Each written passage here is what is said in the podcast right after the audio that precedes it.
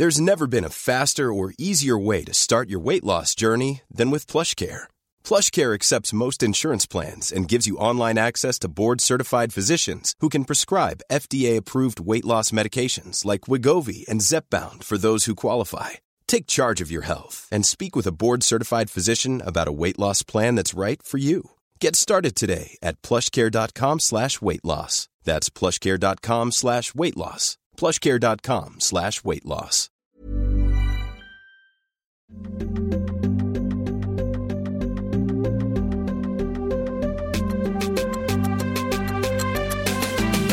Sporty mamma.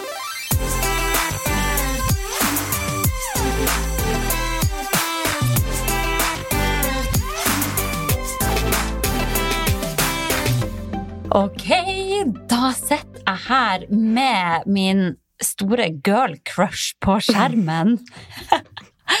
Karoline Fosse, altså Du er liksom Du er en av de der uoppnåelige, kule jentene man ser på Instagram, som liksom er sånn snowboard-babe, surfe-babe, og bare tar helt sånn ville bilder og video av at du stuper og dykke og kjøre vannscooter og skate og bare Jeg tenker sånn du må jo være alle gutters drøm.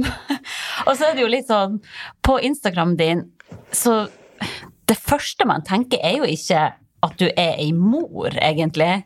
Så ja, hender det at folk blir overraska når de finner det ut? Ja, eh, først og fremst, herregud for en intro. Nå ble jeg eh, helt satt ut. Eh, Det er jo ikke sånn jeg ser meg selv, men det er jo veldig gøy at det er sånn folk ser meg ut av, da.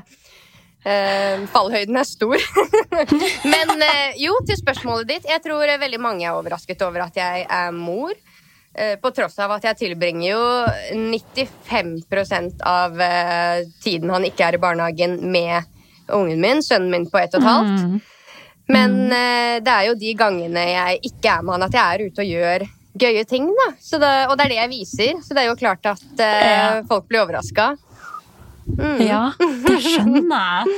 For nå hopper jeg jo bare rett inn eh, i samtalen her, men kanskje at du vil gi oss en kort introduksjon av deg sjøl? Ja, jeg kan jo gjøre det. Det er jo som du sier, folk ser jo kun én side av meg på Instagram. Men eh, eh, hverdagslivet mitt er jo egentlig helt annerledes. Jeg, eh, ja, jeg er en 29 år eh, gammel jente fra Asker, bosatt på Voss. Møtte samboeren min på Ekstremsportveko i 2019. Okay. Jeg syns Voss var eh, en utrolig fin plass, og jeg var ikke vanskelig å be med å komme hit. Jeg trygla om å få lov å flytte inn. Så ja da. Så gikk det som det gikk. Vi var sammen et par år før jeg eh, helt ut av det blå fant ut at jeg var gravid. Oi. Ja, men det, Det skal vi snakke mer om Ja, etterpå. Jeg gleder det- meg til å høre alt om det. Ja. Nei, eh, akkurat nå så går dagene egentlig litt Jeg er litt sånn mellomfase med å kanskje finne ut av noen nye jobber og hva jeg vil gjøre framover. Har jo drevet litt med eh, kommersielle samarbeid på Instagram, men òg jobbet eh, som fotograf og frilanser her på Voss. Og hjelper litt til på gården til min samboers familie, da, som eh, driver økologisk landbruk. Så mm, det er, ja, det er egentlig det dagene går i.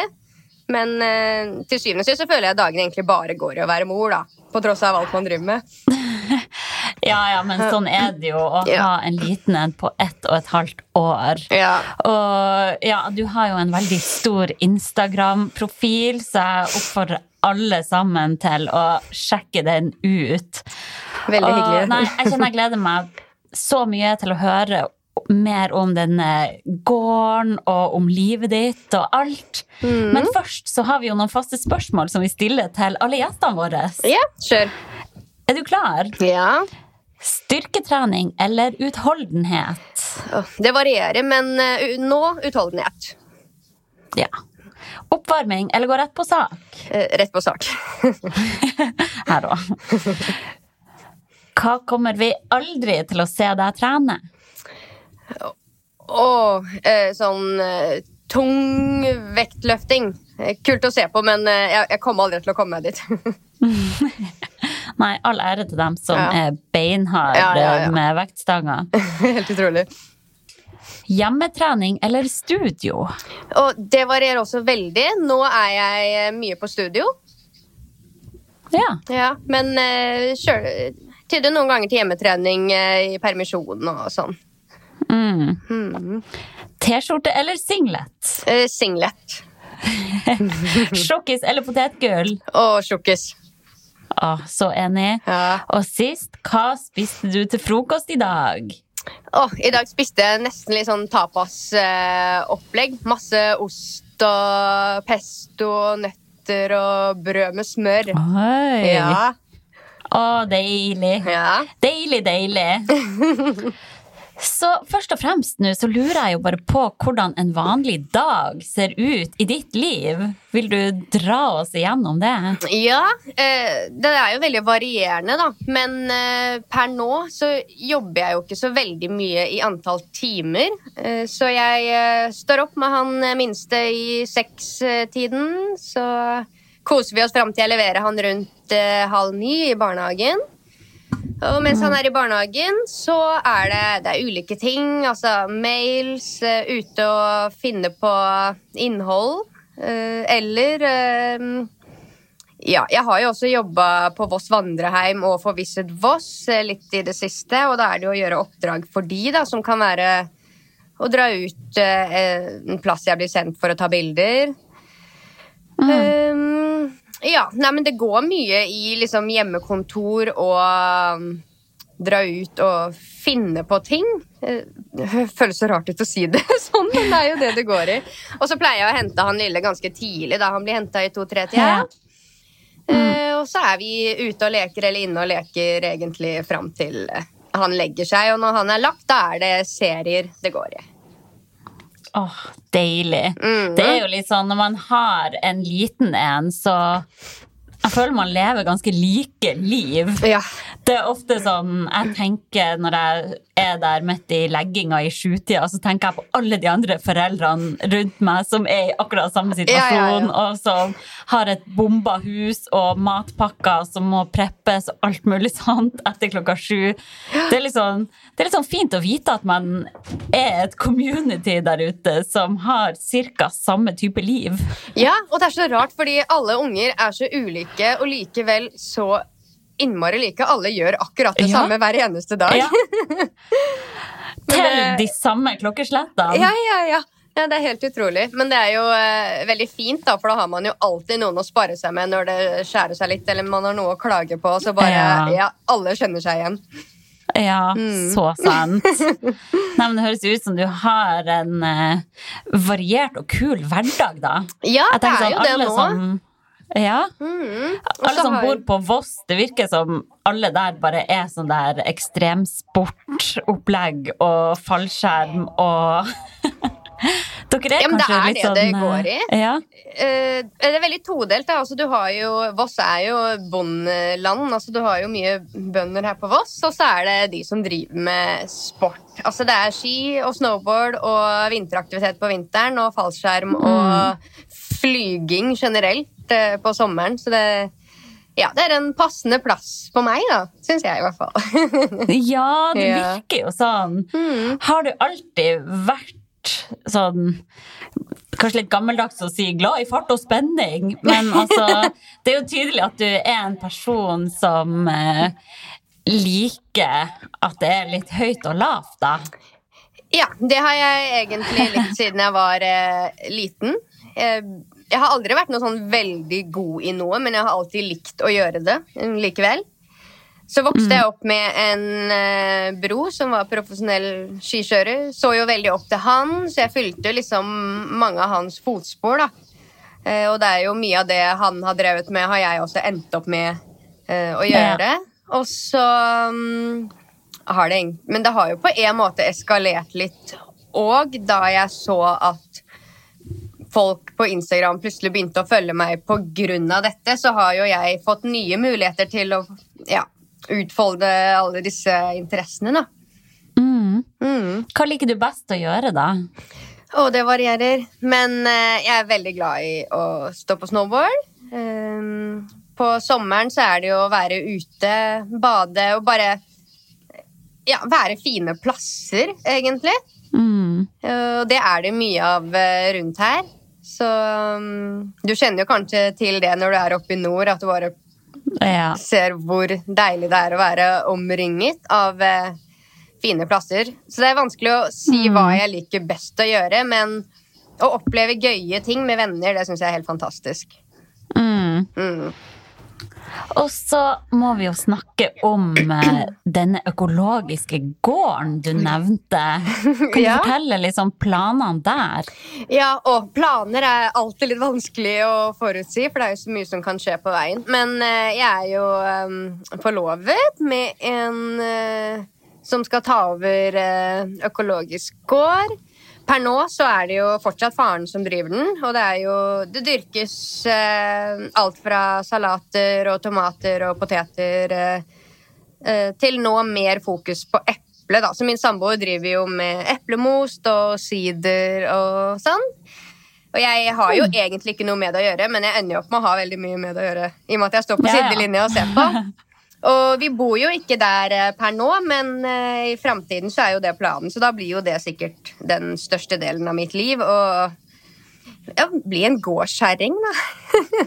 oh, så hyggelig! Er det dyr der òg, eller er det mest Ikke dyrking av noe dyr eh, nå. Eh, hund og katt. Altså Det regnes jo som dyr, selvsagt. Men eh, det har vært både gris og sau og kyr og alt. Men denne gården ligger jo nesten midt i sentrum. Så det er jo eh, litt begrenset med uteareal for eh, dyr, da. Men eh, jeg har en drøm om å ha hest i framtiden, så det, det må jo nesten bare skje. Å ja. ja. Så fint, da. ja Hvordan er, veldig- din matfilosofi? Og den har endra seg veldig fra jeg var uh, ungdom til uh, eldre, til jeg ble gravid og mor, ikke minst. Eh, Og ikke minst så ble jeg jo veldig påvirket av uh, svigerfamilien, da. Men jeg Jeg gikk fem år før jeg flytta til Voss uten å spise kjøtt. Jeg trivdes veldig med det. Jeg har egentlig alltid trivdes med det.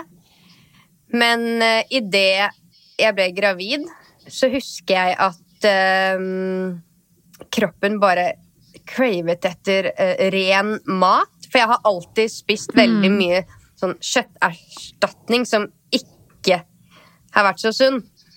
Fordi jeg har Ja. ikke hatt fokus på det. Um, så plutselig så endte jeg opp som gravid med å sette meg veldig inn i det med å spise ren mat og selvfølgelig med utskeielser til uh, en annen verden, men det er jo en annen sak. Det hører med. ja. Eh, Så i løpet av graviditeten, og ikke minst etter han lille kom til verden, da, så hadde jeg også lyst til at han skulle ha et best mulig utgangspunkt for livet. Um, og med fare for å høre sånn som noen kanskje kaller hysterisk, så er jeg veldig opptatt av at han skal få i seg riktig og god næring. Ehm, Ikke nødvendigvis uh, Ikke noe strengt regime, men at det bare skal være fundamentet, da. Og jeg får jo dette veldig eh, servert på sølvfat i og med at jeg har muligheten til å gå i en åker og plukke egne poteter. Det er jo helt Å, det høres så fantastisk. idyllisk Ja, det er jo det, og det er så idyllisk ut som det høres. Så det, Ja. ja, så det, og har det jo veldig lett sånn sett at jeg har muligheten til å eh, på en måte gi de beste råvarer eh, uten å måtte jobbe så hardt for det, da. Så det har jo da automatisk bare endt opp med å bli Det er ikke noe jeg jobber hardt for eller står veldig sterkt inne for. Jeg mener at folk skal få gjøre akkurat som de vil. Men uh, her så har det på en måte bare blitt en del av hverdagen og en del av sånn jeg, uh, sånn jeg ønsker at det skal være. Mm. Mm. Så er det jo litt sånn Det er jo litt kontroverser ute og går med Det er jo mye enten-eller. Uh, Jeg er jo ja, ikke enten-eller. Jeg bare ønsker at det skal være eh, At mat skal være en eh, fin ting og smake godt og ha god næring og Ja, egentlig. Matglede. Matglede, ja. Ja. Åh, jeg føler ikke at jeg kan få sagt det nok. Matglede er så viktig for god helse. Det at man faktisk liker det man spiser, at man skaper en god kultur og god stemning rundt måltidene. Ja. Det er så viktig.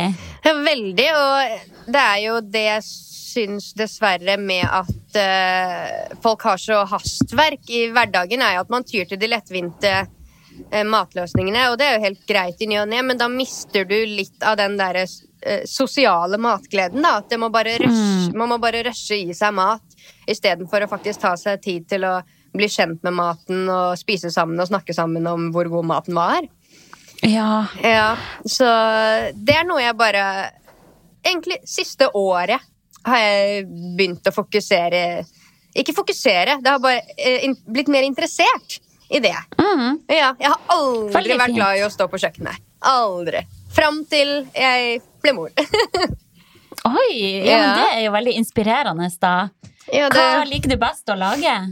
Og jeg er veldig glad i alt av uh, sånn søreuropeisk mat. Alt som inneholder uh, pasta, ost og bakst og hjem, ja. Hjemmebakt brød er noe av det beste jeg kan få i meg. Mm, nydelig. Ja. Så hvordan ser en vanlig dag, en typisk dag, ut for deg i matveien, da?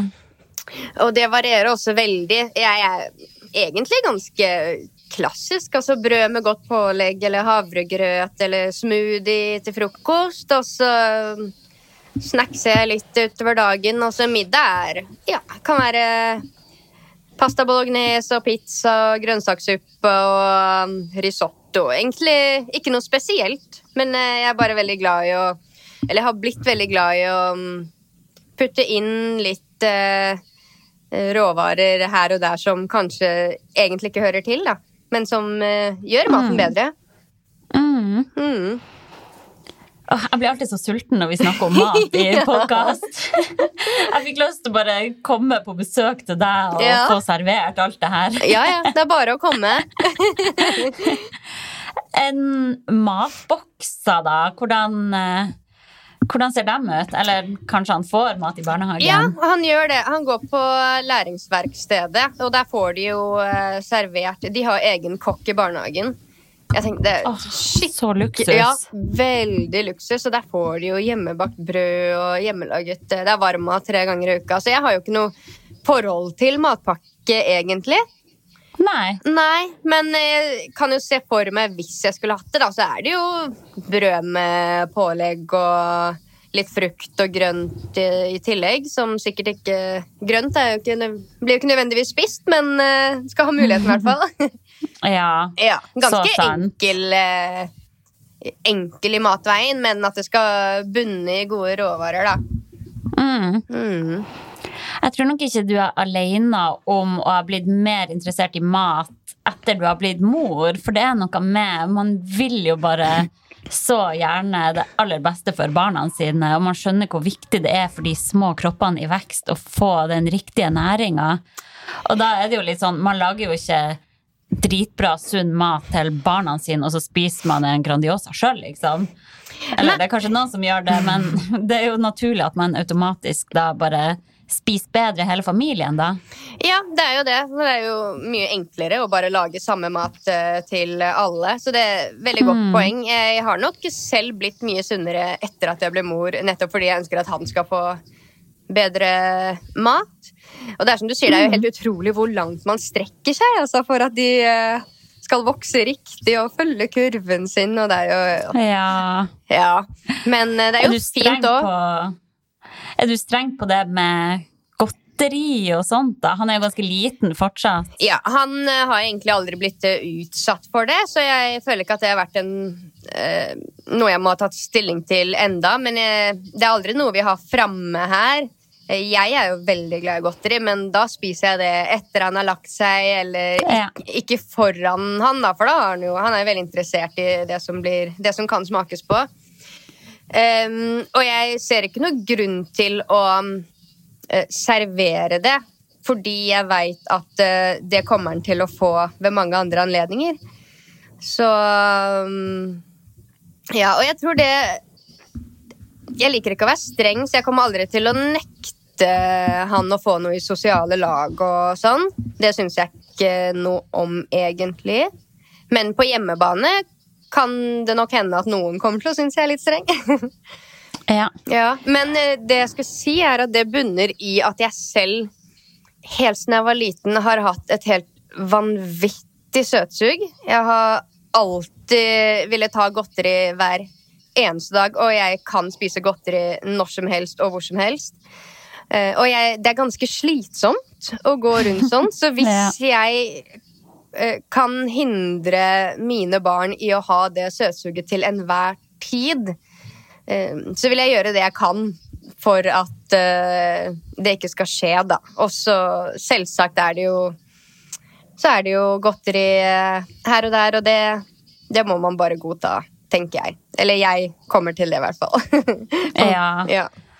Du er nok ikke alene om å gå og føle på et søtsug. Og ja, det er jo ikke akkurat enkelt å stå imot det i det samfunnet vi lever i heller. Og når vi ser rundt oss i samfunnet hvor bombardert spesielt barna våre blir med godteri på bibliotek og hos bokhandler og ja, overalt, så Ja. er det jo ikke rart at mange har et problem med nettopp sukker, da. Nei, og det er jo det jeg syns er så trist, og det er derfor jeg spesielt på hjemmebane skal prøve å unngå det så langt det lar seg gjøre, fordi jeg veit at å stå Står man foran en haug av folk, og alle får et ja, og du skal nekte ungen din det, det, det, det går ikke. Det, det lar seg ikke gjøre. Så da, må det liksom, ja, så da må det liksom heller endres på et mer overordnet nivå. Da, at man kanskje blir enige om at eh, la ikke ungene se at dette blir servert. Så slipper man jo hele problemstillingen. Mm. Ut av syne, eh, ute av sinn. Ja, ja sånn er jeg selv også. Jeg har ikke godteri hjemme, for hvis jeg har det, så blir det spist opp. Ja. ja, Enkelt og greit. Kjenner meg igjen. Ja, så bra. Det er godt å høre at vi er flere. Nei, jeg syns det, eh, det er vanskelig Jeg synes det er en vanskelig problemstilling, og så syns jeg det er vanskelig å si det er jo ikke noe som er rett og galt, og alle barn er jo ulike, og familier er ulike. Men eh, det kan hende noen kommer til å synes at eh, jeg er det de sikkert kaller hysterisk, men jeg syns jo ikke det selv. Nei, vet du hva, det der må man bare stå trygt i sjøl. Ja. Alle vil jo bare det beste for barna sine. Ja, det er jo det. Og så jeg tenker at så lenge jeg ikke henger meg opp i hva andre gjør med sine barn, så ønsker jeg jo ikke at de skal henge meg opp i hva jeg gjør med mitt barn heller. Nei. Så sant. Ja. Men eh, det er lettere sagt enn gjort. Folk henger seg jo opp i alt mulig rart. Ja, man må Ja. bare prøve å ikke bry seg så mye. Ja, jeg veit det. Men du, jeg vil jo snakke med deg om trening også. For Ja. Trener du, eller er du kun ute og skater og dykker og stuper og gjør alt det der? Jeg trener nok mer enn jeg er ute og stuper og skater, altså. Men eh, det har også gått veldig bølgedaler. Eh, nå er jeg nok inne i en god periode. Jeg, eh, jeg har slitt med muskelsmerter siden jeg, var, siden jeg kom i puberteten, egentlig. Eh, ja. og um, har ganske nylig vært til utredning, og ingen finner ut av hva det er. Og jeg har prøvd alle mulige former for um, behandling som jeg ikke føler funker. Så siste halvåret har jeg liksom satt inn støtet da, på um, å ha veldig stabile treningsrutiner sammen med et godt kosthold. Jeg svømmer to ganger i uka. Det er jo Oi. noe jeg, ja, det er noe jeg har lagt til sånn nylig, for det veit jeg er sånn typisk sånn muskelsmertetrening. Eh, kombinerer det med badstue, da, som eh, er veldig, veldig behagelig. Og så mm, har jeg bare siste månedene eh, blitt eh, flinkere da, til å gå på treningsstudio én til to ganger i uka i tillegg. Mm. Uh, før det så hadde jeg jo sikkert uh, ett år med opphold fra liksom fast uh, trening, men har alltid, er jo alltid aktiv. Så det er jo alltid, om det ikke er trening, så er det jo å ja, en gåtur eller finne på noe aktivt. Um, ja, men nå så Nå ser det lyst ut, altså. jeg er motivert. Jeg syns det er gøy, og jeg eh, kjenner at jeg liksom har litt lyst til å bare eh, Ja. vise fingeren til alle de legene som sier at dette kommer du aldri til å finne ut av. Så har jeg bare lyst til å fortelle at eh, med god trening og kosthold, så forhåpentligvis så kan man se en bedring da. Ja, får Ja. det. Mm. Hmm, merkelig at du ikke finner ut av det, da, eller at ingen finner ut av det. Det må jo finnes et svar en eller annen plass, tenker Ja. jeg. Nei, eh, jeg ga helt opp. Eh, Jeg var hos en uh, revmatolog, en spesialist, eh, og han kunne jo ikke finne noen ting. eh, av altså revmatiske sykdommer, da. Og det er jo helt greit, jeg skal jo ikke sitte her og si at jeg har det, men han fulgte opp med at eh, eh, du burde ikke tenke så mye på dette, du burde ikke bruke energi på å lete etter et svar. Og da kjente jeg vel litt sånn Ok, det, det tror jeg ikke noe på. Da kan du i det minste spørre om eh, hvordan, hvordan er kostholdet og treningen, da. Hvordan er livsstilen din generelt? Det, det tror jeg mange Ja, det- behandlingsterapeuter kunne kommet langt med. Ja. Ja. ja, veldig spesielt at du ikke har fått det spørsmålet i det hele tatt. Ja, er det ikke det? Det er liksom bare Ja, anspenner du deg mye? Ligger du Sover du feil? Eh, men aldri hva er en typisk eh, uke for deg i trening og kostholdsveien? Nei, det er jo veldig rart at du ikke har fått det spørsmålet. Det er liksom, Ja. Gå hjem og ta en Paracet og slapp Ja. av. Så ordner det seg. Jeg har fått så mye Paracet og Voltaren eh, utskrevet, og Voltaren er jo for det første ikke bra med tanke på bivirkninger. Men det funker jo veldig bra, så det er jo veldig lett når legen sier ja, men det her er jo helt og så når jeg tar det, så føler jeg meg så bra uten å bli fortalt om at det er absolutt ikke noe som skal tas på jevnlig basis. Da. Så derfor har jeg nå fått litt sånn avsmak fra alt av medisiner. Og virkelig satt inn støtet da, på treningsfronten. Ja, Og føles det Ja. bra ut å trene, da? Jeg, jeg har ikke kommet så langt eh, egentlig at jeg føler så veldig mye progresjon. Men eh, jeg er jo òg eh, bevisst på at det, kan ta tid. Og at det er jo eh, på det jevne og i det lange løp at jeg tror det vil gi et eh, bedre resultat. da. Mm. Mm. Så når du er på gymmet, da, er du den personen som går bort til knebøyracken og jobber der, eller går du rett på mølla, eller hva liker du best? Ja, det varierer. Eh, Jeg, eh, oftest kan jeg begynne å varme opp. Eh, Apropos oppvarming. Jeg, jeg gjør det selv om jeg ikke liker det. Eh, varme opp på mølle. Noen ganger tar jeg bare en full løpeøkt. Og løper sjelden mer enn en halvtime med intervaller eller eh, Ja. Eh, Hvis ikke så varmer jeg litt opp på mølle, og så kjører jeg litt eh, enkel styrke. Det kan være kettlebells og um, knebøystativ med veldig enkle vekter. Da. Som sagt, jeg har liksom ikke kommet Jeg har ikke lyst til å ta i for hardt, fordi eh, jeg er så redd for å skade meg i prosessen med å bli sterkere. Ja. Ja, så, Og så har jeg begynt å legge inn en god tøye, tøyetid eh, etter treningen, og det har jeg aldri vært flink på. Eh, Det har jeg, men det har jeg troa på. Mm. Mm. Så bra, da. Og krysser fingrene for at du kommer til å føle deg bedre snart, og at du finner ut av det her. Ja, jeg òg. Det hjelper jo å være Ja. motivert. Da. Det skal jo sies at eh, psyken har jo mye å si. Eh, Det gjelder jo ikke dyrke disse smertene, men prøve å få de i sjakk og se om en generelt bedre helse vil føre til mindre smerter. Da. Jeg, jeg har Ja. troa på det.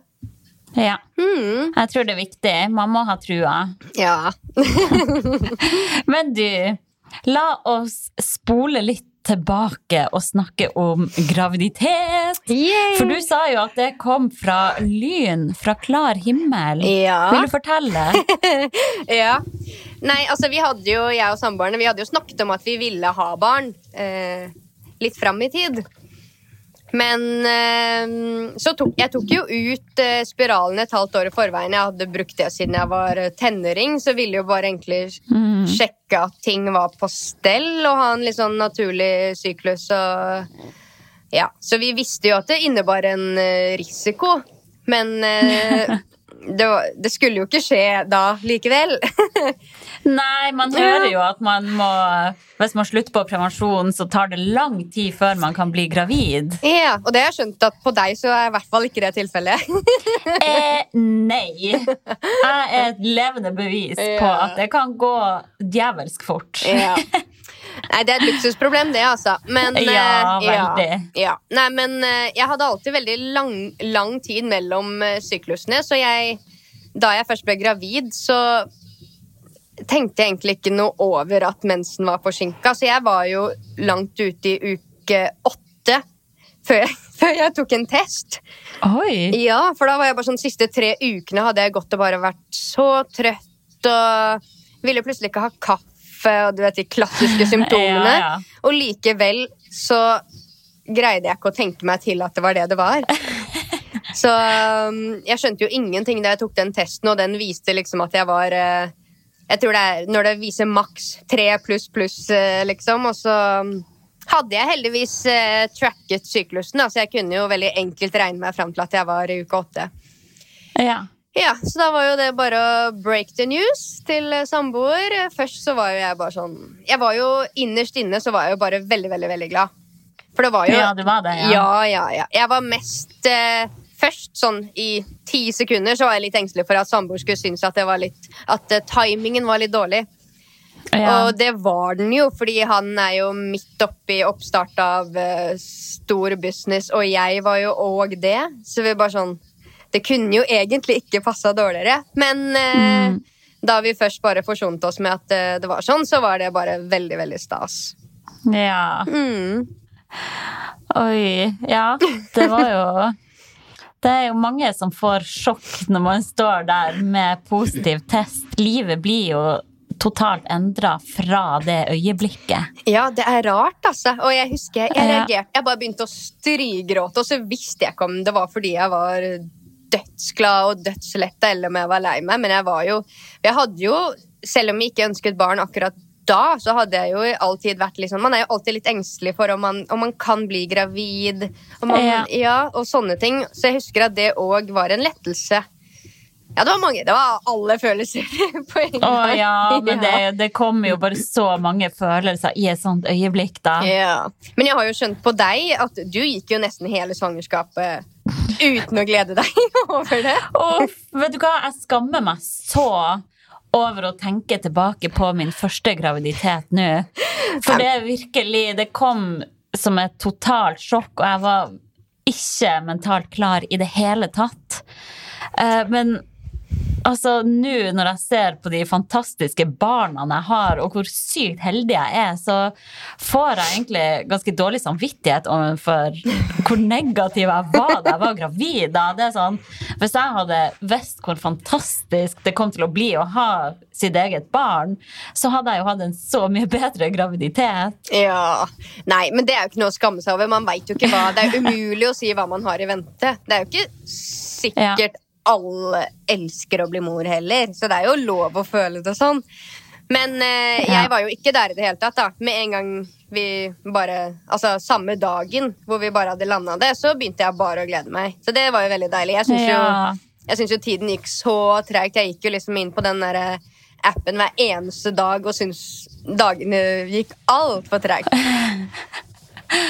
Å, det er så spesielt å gå rundt med et lite menneske inni seg. Ja. Wow. Men hvordan graviditet hadde du da? Var du i fin form? Jeg var veldig kvalm første trimester. Litt sånn klassisk eh, eh, ja, svangerskapskvalme.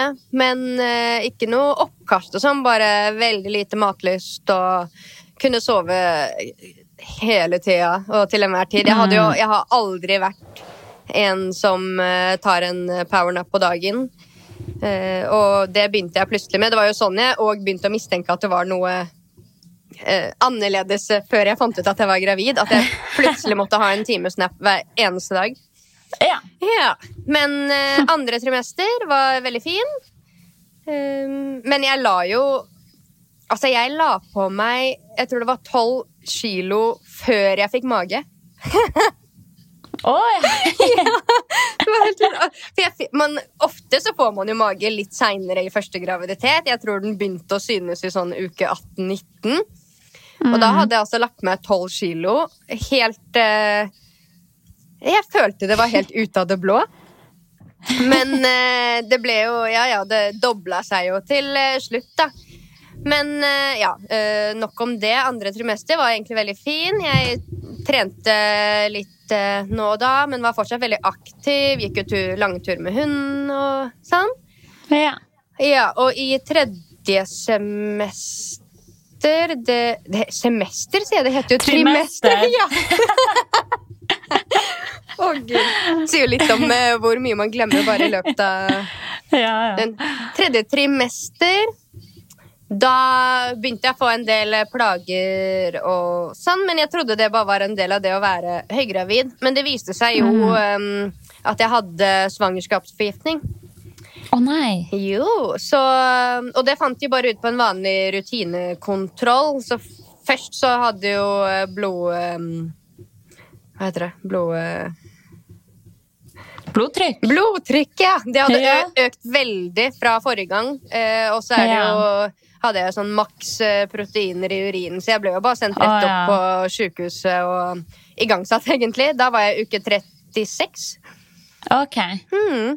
Så jeg har jo ikke hatt et eh, fullgodt eh, svangerskap, da, men syns de siste ukene med de symptomene var grusomme. Jeg var oppblåst som en elefant.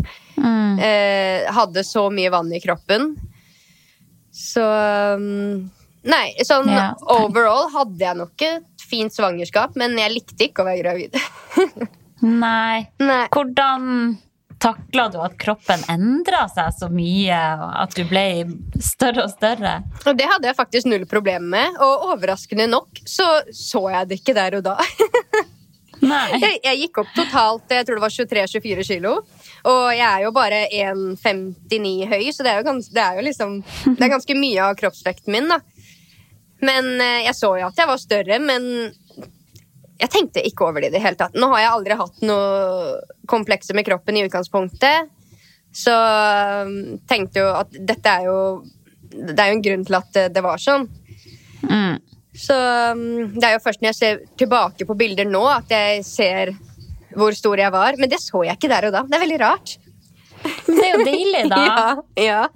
Det er jo det. Da hadde du det jo sikkert bare kjempefint. Ja, jeg gikk ikke rundt og følte meg Jeg følte meg aldri eh, sexy som gravid. Ikke det hele tatt. Um, bare fordi at det, det ble en litt sånn fjern tanke når jeg visste at jeg gikk Ja. rundt med en baby inni magen. Så var det liksom Det var Ja. ingenting med det som jeg syntes var Det var vakkert, men eh, ikke sexy. Jeg skjønner veldig godt hva du mener der. Jeg yeah. følte det på samme måte. ja, det tror jeg de fleste gjør. Og så ja, at man uh, syns man selv ikke er fin, tenker jeg må være helt lov å synes også. Selv om det er den fineste tingen i verden. Mm, det er jo en Mm. veldig stor endring som skjer, da. Mm, og går over veldig Så kort det- tid. Ja. Det var jo Mm. poff, sa det, og så var jeg der, liksom. Det er helt utrolig. Ja. Og så denne fødselen, da. Du sier du ble satt i gang. Mm, Var det en kortvarig prosess, eller hvordan gikk det for seg? ja, det var det. Eh, fordi det er jo det som skjer når man Ikke med alle, men det som skjedde med meg eh, med denne svangerskapsforgiftningen, var jo at altså, Da vil jo gjerne kroppen støte ut det som forårsaker svangerskapsforgiftningen. Så babyen lå jo klar, han, med hodet ned og um, Ja. ja. Og jeg hadde en centimeter åpning, og det kan man jo ha i lang tid, da. Men Ja. eh, i og med at formen min var jo fortsatt veldig god, selv om jeg hadde plager. Eh, og med en sånn svangerskapsforgiftning så er jo risikoen for at jeg blir dårlig, ganske stor hvis jeg drøyer den. Så derfor ville de sette meg i gang. Og fra jeg ble satt i gang til han var ute, det tok Jeg tror det var ti timer eller noe sånt. Ja. Uh, ja, så det gikk veldig fort og fint, egentlig. Jeg syns det var litt sånn stas. Jeg syns det var så utrolig kjedelig å sitte og vente på at han skulle komme.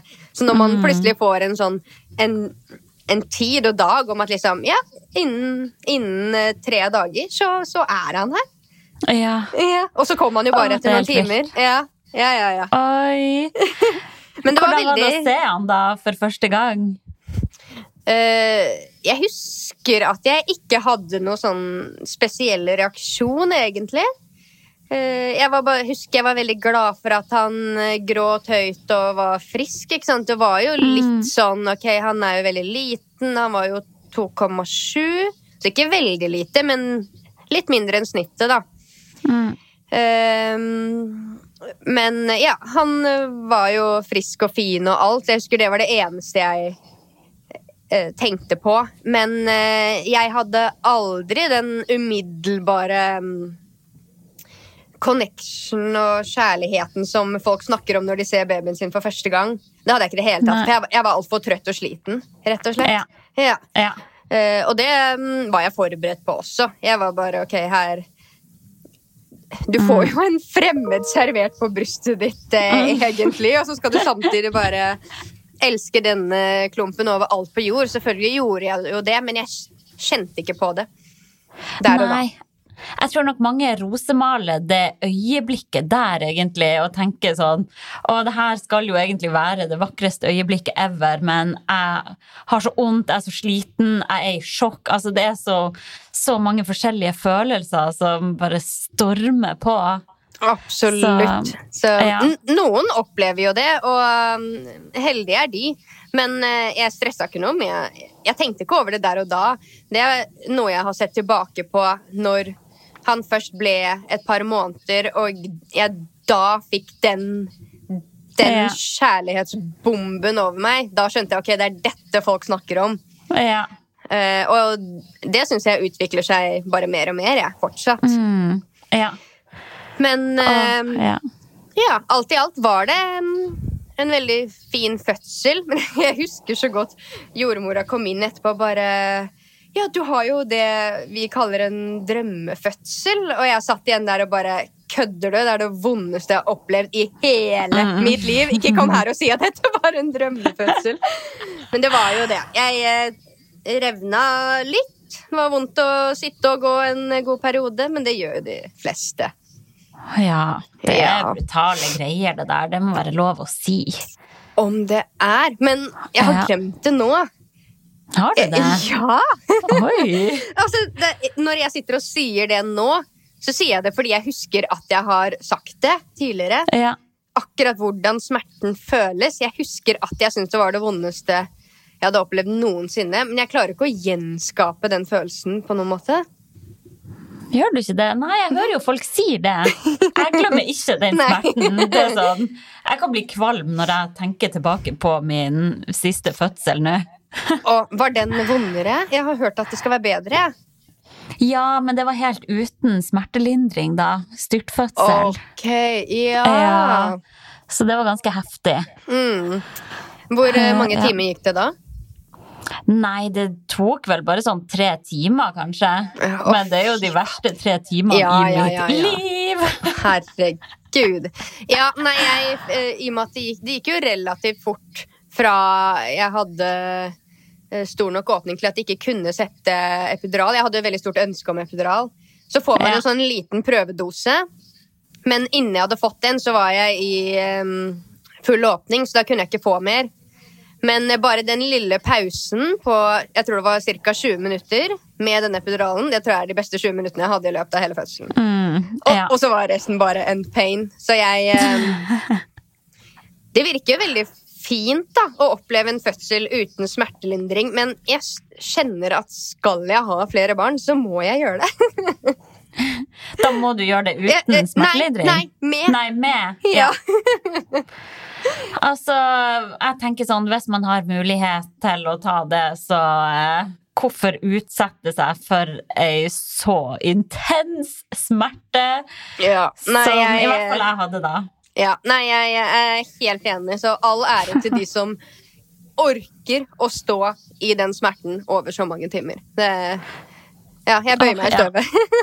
Ja, nei, det er helt vilt. Men uh, hvis det er mange gravide som hører på nå, og som blir litt sånn redd av å høre meg si at det er det jævligste jeg har vært med på i hele mitt liv, så vit at det fins smertelindring, og man er i trygge hender der Ja. på sykehus uansett. Ja, og så er det jo mange ulike typer smertelindring. Da. Det fins jo andre typer smertelindring enn epidural også. Jeg er ikke kjent med de, men jeg veit de finnes, så Mm. du har helt rett. Ja, det er liksom Selv om jeg sto i den verste smerten jeg kunne tenke meg, så følte jeg meg aldri utrygg. Nei, og det tror jeg har veldig mye å si. Og det, jeg Ja. syns ingenting om når jeg hører eh, folk som har eh, ubehagelige fødsler av eh, manglende ansatte og sånne ting. Jeg kjenner jeg er veldig glad for at jeg ikke har den opplevelsen. Ja, nei, vi er bra heldige. Ja, Men absolutt. eh, er det noe i mammarollen som har overraska deg? Uh, ja, Uh, hvor, uh, hvor betatt jeg kan bli av et annet menneske. Mm. Det har overraska meg. Og mm, jeg tror til og med min samboer kan si seg enig i at generelt i livet er jeg veldig distré. Jeg tar ting som det kommer, og planlegger ingenting, og det går fint og sånne ting. Men når det kommer til han lille, så mm, alt er på stell. Det er Ja. helt, ja, det er helt utrolig. Og jeg føler jeg vier så mye energi og tid til han, og det er det eneste jeg vil. Mm. Og, um, og så Jeg har alltid tenkt at jeg kom til å bli Det er sånn typisk at man tror man skal bli en eh, type person, og så blir man jo helt annerledes. Jeg har alltid tenkt at jeg kom til å ha null problemer med å jobbe og være borte fra han og dra på reiser og sånne ting. Men eh, det sliter jeg med, altså. Mm. Ja, eh, selv om han er en veldig sosial og trygg person. Jeg klarer helt fint å være borte ett døgn, etter hvert sikkert to. Men eh, da lengter jeg hjem. Ja. Mm. Åh, jeg har det på akkurat samme måte. Jeg savner dem når de er i barnehagen. Ja, ja, jeg òg. Det er dagens høydepunkt er å hente. Ja. ja. Nei, det, Så det- er så ja. koselig. Altså, det overraska meg nok mest eh, det at jeg eh, Alt annet eh, blir eh, satt på sidelinjen, og han Ja. er alltid førsteprioritet. Og jeg hadde Ja. trodd at jeg skulle klare å um, sjonglere litt mellom, mellom det, men eh, det gjør jeg altså ikke. Nei. Nei. Jeg skjønner deg så godt. Mm. Ja, det er rart, altså. Og um, det er vanskelig å beskrive det for noen som ikke har barn, men uh, jeg, jeg veit ikke om de fleste, Har de fleste lytterne deres uh, barn? Ja, altså Ja. Jeg har jo ikke konkrete tall på det, da, men Nei. jeg tror nok det er flest mamas som yeah. hører på. Ja, det gir jo mening. Men eh, det var nok det som overraska meg mest. eh, Men òg ja. at eh, jeg på, skulle ha så stort ønske om å eh, holde meg eh, smertefri og frisk og sterk og sånn. Jeg har jo fulgt med på deg og eh, både lest og hørt at eh, det er det trening også er for deg. Det å holde seg frisk og ha god helse. Og det er uten tvil det som er min motivasjon også. Mm. Før jeg ble mor, så var liksom motivasjonen det å enten være så sterk eller så rask eller så god i noe som jeg kan bli, mens nå er det bare det å holde kroppen i sjakk, egentlig. Ja. Nei, det, det perspektivet der, det endra seg så mye for min del også etter at jeg fikk barn. Det, ja, det er så viktig å holde seg frisk fordi det er noen flere som trenger deg da. Ja, absolutt. Og det er jo noe jeg har kjent på siste det var jo, altså De muskelsmertene mine de ble jo bare ekstra ille like, altså da han var nyfødt, og du må gå rundt og bære på den lille ungen. Jeg hadde, i hvert fall, jeg hadde en bæreunge, da. Han skulle ikke sove noe annen plass enn eh, på meg. Um, og det er jo klart at det har jo sikkert forverret smertene en del. Så det kan jo hende at jeg kjenner bedring nå som jeg ikke lenger trenger å gå rundt og bære så mye og løfte så mye og Ja. ja. Den, Men, den slags. Mm. Hvordan føles kroppen din nå, da? Ett og et halvt år etterpå? Den, nå syns jeg den føles eh, veldig bra. Jeg, jeg skal jo ikke si at jeg føler meg som før, for ting har jo endret seg. Men jeg føler meg eh, like lett og sprek, hvis det er lov å si. Mm. Eh, jeg kan kjenne at jeg liksom er veldig stiv i lysken og sånne plasser som jeg aldri har vært stiv før. Og det føler jeg har sittet helt sin fødsel. Det er helt eh, Ja. Men det er helt sikkert min egen skyld. Jeg, jeg har vært dårlig på, um, dårlig på å gjøre noe med det. Men uh, ja, og så amming slutta jeg med da han var ja, ett år og noen måneder. Så um, puppene har jeg også gått tilbake til uh, en mer behagelig størrelse. det, det kjennes veldig deilig. Og ikke måtte ha to sports-BH når jeg skal ut og løpe. Ja, ja, det er jo nydelig, da. Hmm. Og um, jeg har litt uh, delte magemuskler, så jeg kjenner at jeg sliter litt med å ha god kontakt med um, kjernen min. Men uh, jeg har likevel god styrke der, så det er ikke noe som plager meg, egentlig. Så um, Nei. ja, nei, egentlig kan vi si at jeg er tilbake At jeg føler at jeg er tilbake der jeg var. Mm. Mm. Så deilig, da. Ja, Nei, du kler virkelig å være mamma. det er veldig hyggelig å høre. Det gjør du òg. Men hvor, er, hvor gammel er din minste? Tre og ett eh, Tre mine barn. og ett. Ja. Oh yes. Men føler du for Jeg er veldig nysgjerrig. Jeg synes det er veldig gøy å snakke med folk som har to barn. For det er jo noe jeg, jeg har et veldig stort ønske om en gang. Men føler du Å, at så hyggelig, da. Ja, føler du at veien eh, for å ja, så komme seg Kall det tilbake da, i din egen kropp etter fødsel nummer to. Var den lenger?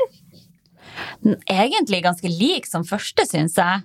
Ja, Og så det er interessant. med Ja, når man har en liten en fra før av, Ja. da er man høyt og lavt og har et annet aktivitetsnivå også. Ja, så nei, absolutt. akkurat som det gikk enda fortere, kanskje. Oi, det er interessant. det er jo Men selvfølgelig, det er jo ikke gitt at det skal være sånn, og alle har jo ulike graviditeter, så, så jeg føler meg veldig heldig. Men jeg føler meg helt som meg sjøl igjen, som det Ja. jeg var i 2019. Før jeg fikk noen barn. Oh, Så så det er jo fantastisk. fascinerende hvordan kroppen bare ordner opp. Ja, nei, det er helt utrolig. Ja, for de fleste i hvert fall. Det, mm, jeg syns jo bare det er motiverende. Selv om det er, eh, folk er ulike, så er det veldig fint å høre at eh, man finner seg selv igjen relativt fort, da. Ja, men sikkert irriterende å høre for mange som sitter der ute og som føler at kroppen er totalt endret etterpå også. Det er jo det er veldig mye som spiller inn. Alle har ulik genetikk og lever ulike liv og ja. Man må Absolutt. prøve å ikke sammenligne seg så mye med alle andre. Og, men hvis man går med plager og vondter og sånn over tid, så burde man jo gjøre noe med det, da. Det er for dumt å gå og ikke ha det bra. Det er jeg helt enig med deg i. Men det er jo litt som du sier, det kan sikkert være litt provoserende for noen. Jeg husker jo selv da eh, sønnen min var Altså helt opp til han var seks-sju måneder. Så mm. eh, jeg trente ikke én gang, og jeg gikk rundt med konstante plager. Det var liksom bare bæring og byssing til enhver tid. Og når man står i det, så tror man jo at det aldri skal ende. Ja.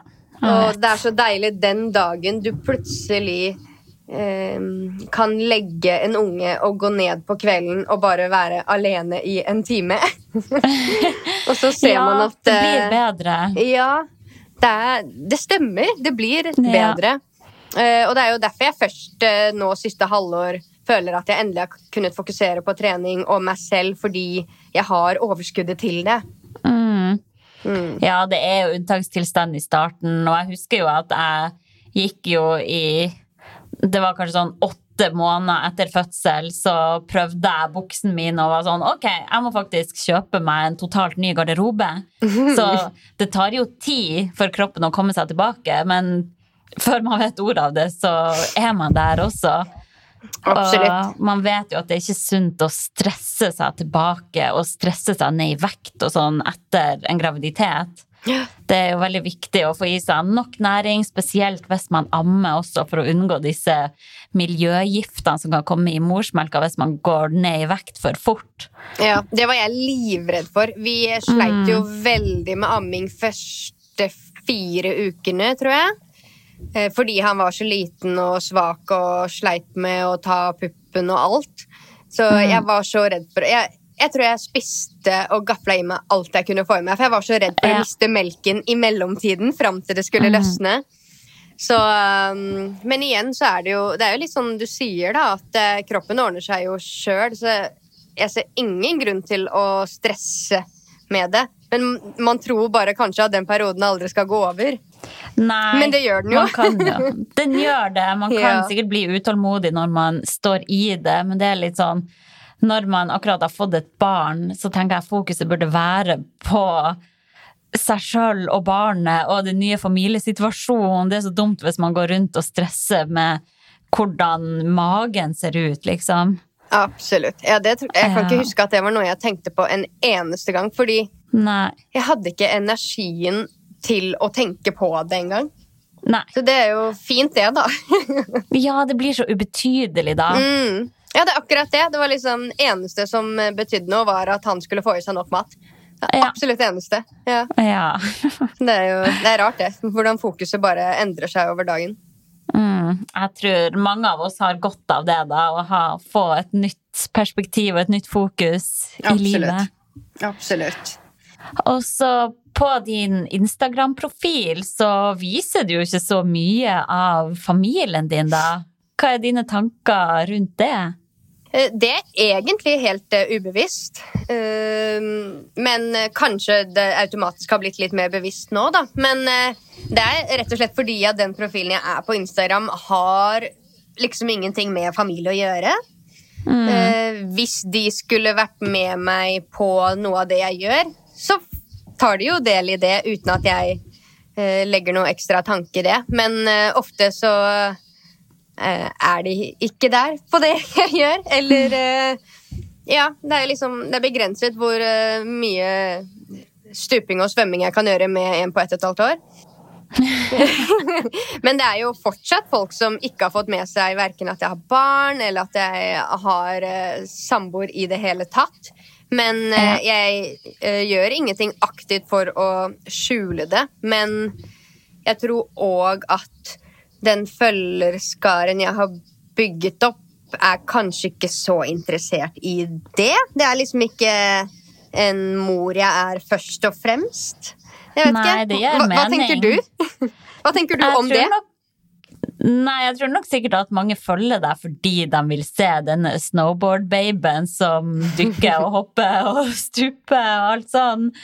Det er jo, ja, naturbildene, og det er jo bare så deilig å scrolle gjennom. Veldig hyggelig å høre. Ja, nei, men det er ikke noe jeg um, i utgangspunktet har tatt et aktivt uh, valg rundt, men em, jo eldre han blir, jo mer kjenner jeg at han liksom absolutt ikke skal være der, da. Em, bare for føre-var-prinsippet, egentlig. Mest sannsynlig. Ja. Går det, det går helt sikkert fint for de aller, aller, aller fleste som gjør det. Men eh, jeg vil bare ikke være den det kanskje ikke går fint med. Og Nei. vi har jo ikke levd lenge nok til å se konsekvensene av hvordan dette påvirker de små når de blir voksne. For de er ikke voksne ennå. Nei. Nei. Nei, man skal ha en god magefølelse på det man gjør, i hvert fall. Det er viktig. Ja, ja, jeg tenker også Mm. det. Men jeg, jeg legger aldri merke til når andre eksponerer barna sine sånn, egentlig. Mm. Eh, Så det er ikke noe jeg tenker så mye over. Men eh, jeg har bare endt opp med å ikke gjøre det selv. Mm. Mm. Nei, alle får gjøre det, det som sjøl gir en god følelse, syns jeg. Ja. Men du, herregud, vi har prata i en time straks. Tida Oi, flyr i godt oi. lag. Ja. Så vi er jo nødt å begynne å runde av her. Men jeg har et Ja. siste spørsmål til deg. Og det er om du har tips til ei anna sporty mama vi burde sjekke ut. Oi um, Nei, jeg regner jo med at du sikkert har eh, din tidligere podkastpartner på lista, da, Nora. Ja. Ja. Hun er på lista. Ja, hun har fordi- lovt at hun skal komme og fortelle om fødsel og alt. Oh, ja. Men uh, hun er litt travel for øyeblikket med å amme og busse. Det skjønner jeg. Men da uh, foreslår jeg Tiril uh, Sjåstad Christiansen. ja. Ja. Hun, eh, Tiril, hvis du hører på nå, Ja. DM me. Ja, Hun vil jeg eh, i hvert fall høre på. Mm. Så kult. Men du, tusen takk for praten. Tusen takk for at uh, jeg fikk lov til å komme, skulle jeg si. Gjennom skjermen, i hvert fall. det var veldig, veldig hyggelig å bli invitert. Veldig inspirerende å få ditt friske pust inn her i Sporty mama. Åh, takk. Og det samme til deg. Veldig, veldig enkel prat, syns jeg. Ja, så bra du syns! Ja. Neimen, tusen takk for praten. Ja, takk det Så samme.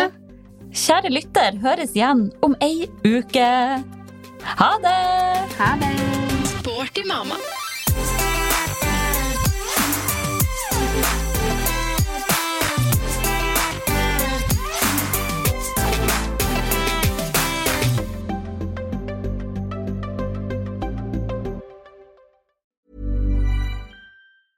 Even when we're on a budget, we still deserve nice things. Quince is a place to scoop up stunning high-end goods for 50 to 80% less than similar brands. They have buttery soft cashmere sweaters starting at $50, luxurious Italian leather bags, and so much more. Plus, Quince only works with factories that use safe, ethical, and responsible manufacturing.